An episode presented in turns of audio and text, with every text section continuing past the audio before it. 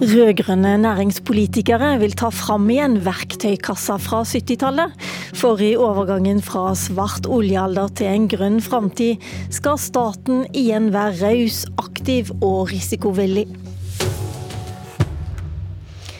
Oljealderen går mot slutten. Framover skal vi leve av grønne næringer. Et utvalg rød-grønne politikere pluss MDG mener nå at vi må gjøre som de gjorde på 70-tallet, da politikere både nasjonalt og lokalt tok absolutt hele verktøykassa i bruk for å tilrettelegge for oljen.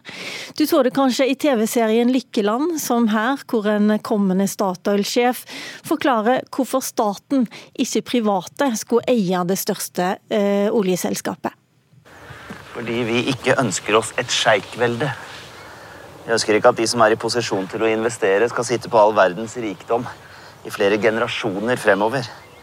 Vi vil at staten skal ta det ansvaret, slik at det kommer hele folket til gode. Vi vet jo ikke, men noe er det som skjer der ute. Ja. Vi setter opp et møte med Smedvik.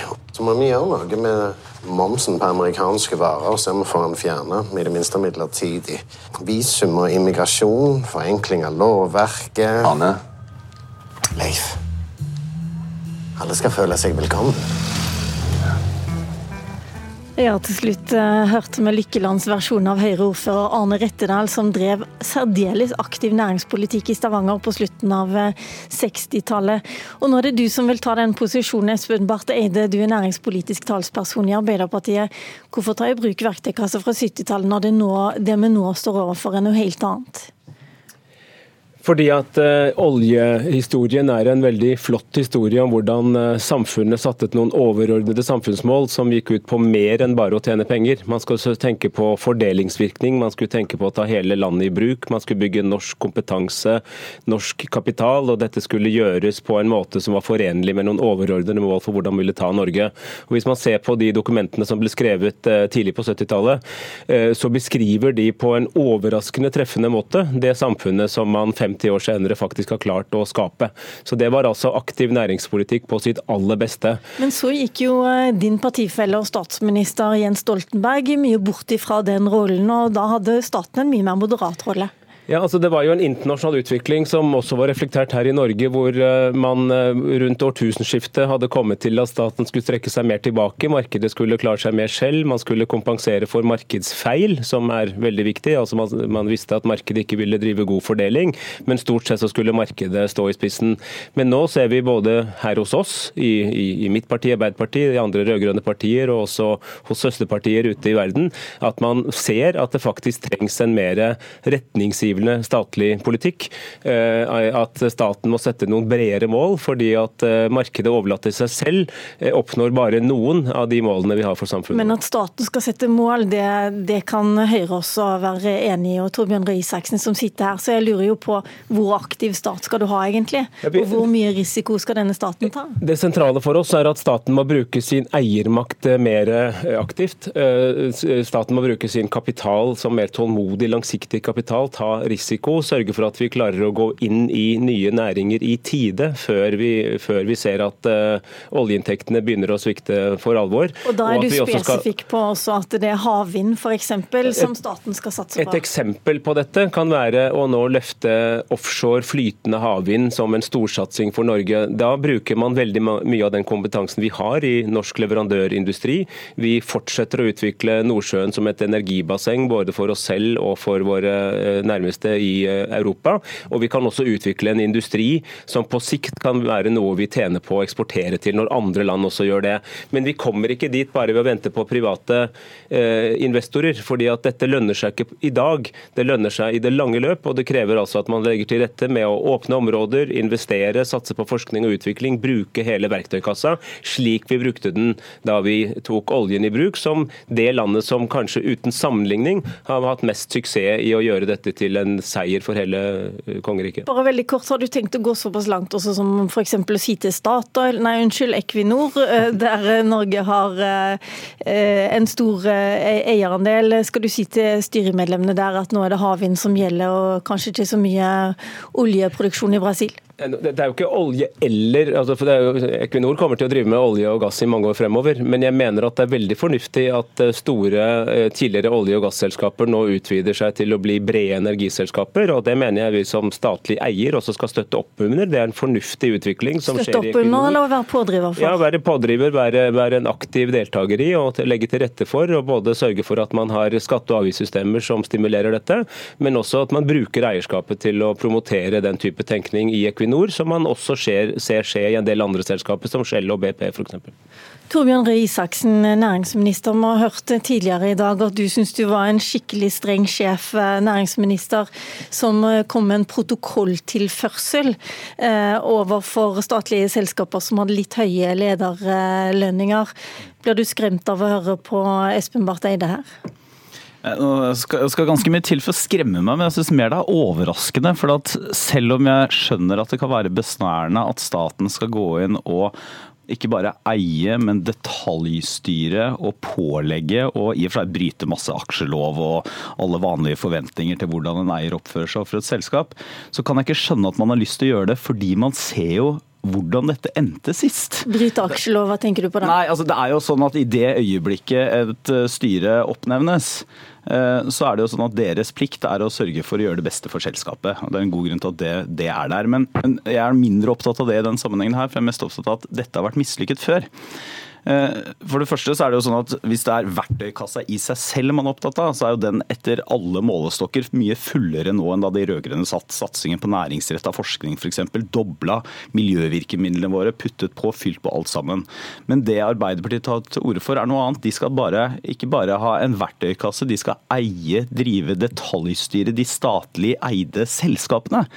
Og Jeg tror det er en dårlig idé av flere grunner, men en av dem er fordi at istedenfor å få Yara eller Hydro Hydro eller Equinor til å gjøre noe, så burde staten lage regler, mål og ordninger for alle. Det er ikke sånn at det bare er Equinor eller Hydro eller Yara eller et av de andre statlige selskapene som skal bidra til å få ned klimagassutslippene. Det skal alle selskaper i Norge bidra til. Espen Barth Eide, man lurer jo også litt på hvorfor er politikere bedre i stand enn markedet til å bestemme hva som vil lønne seg og hva som er framtida?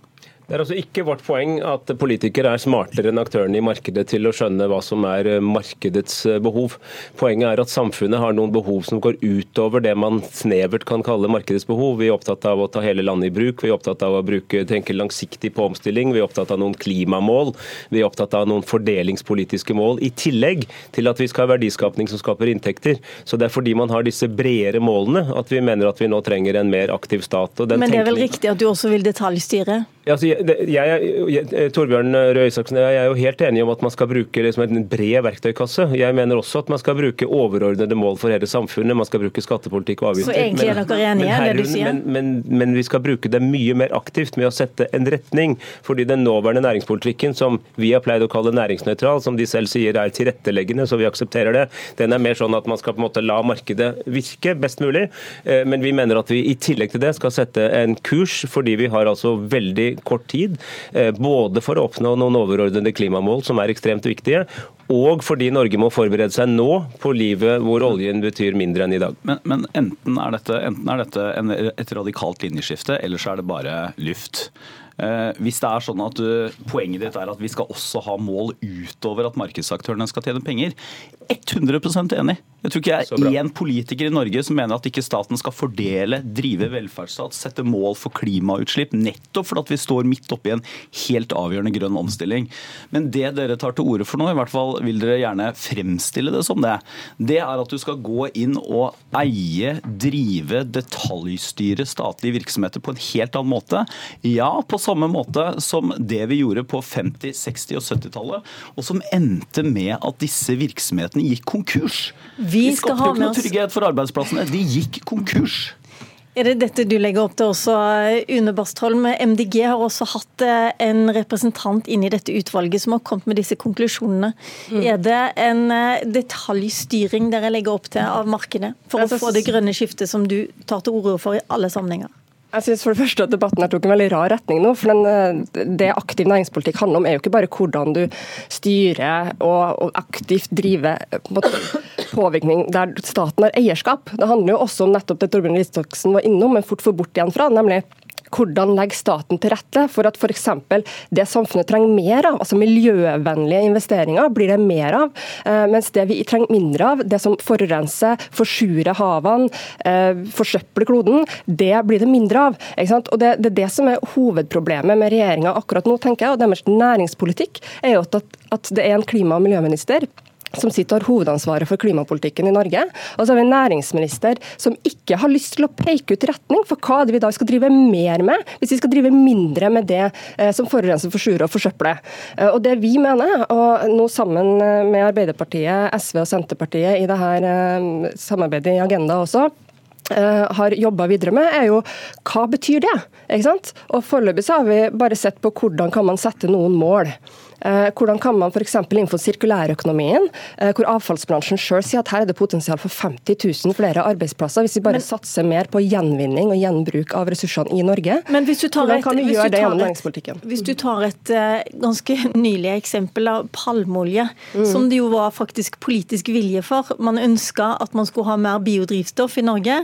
Nå uh, er det markedet som har reagert, fordi de får ikke solgt denne palmeoljen, og de har kutta ut palmeolje. Viser ikke det at markedet egentlig har fungert? Nei, det var jo ikke markedet. Det var jo store diskusjoner. Vi hadde jo egentlig den dagen eh, forslaget til statsbudsjett kom, så hadde vi diskusjoner om palmeolje i Stortinget. Så det har jo vært en veldig bred politisk diskusjon som har pressa regjeringa også eh, til å egentlig gå bort fra målet sitt om mer innblanding av biodrivstoff i dieselen, eh, når det går på bekostning, altså når det betyr at du bruker mer palmeolje. Så jeg vil si at Det er faktisk et eksempel på at man har politisk gått inn og sagt at det her går jo ikke an, for det gjør jo at vi bare jukser med utslippsregnskapet vårt. Vi, vi skaper mer utslipp i utlandet. Ok, Jeg lurer på en annen ting. Espen Barth Eide, eh, det står ganske mye i dette utvalget at man må ta hele landet i bruk. og For alle som kjenner Senterpartiet, så ser man at her er det en god hilsen hjem hjem også til, til dem.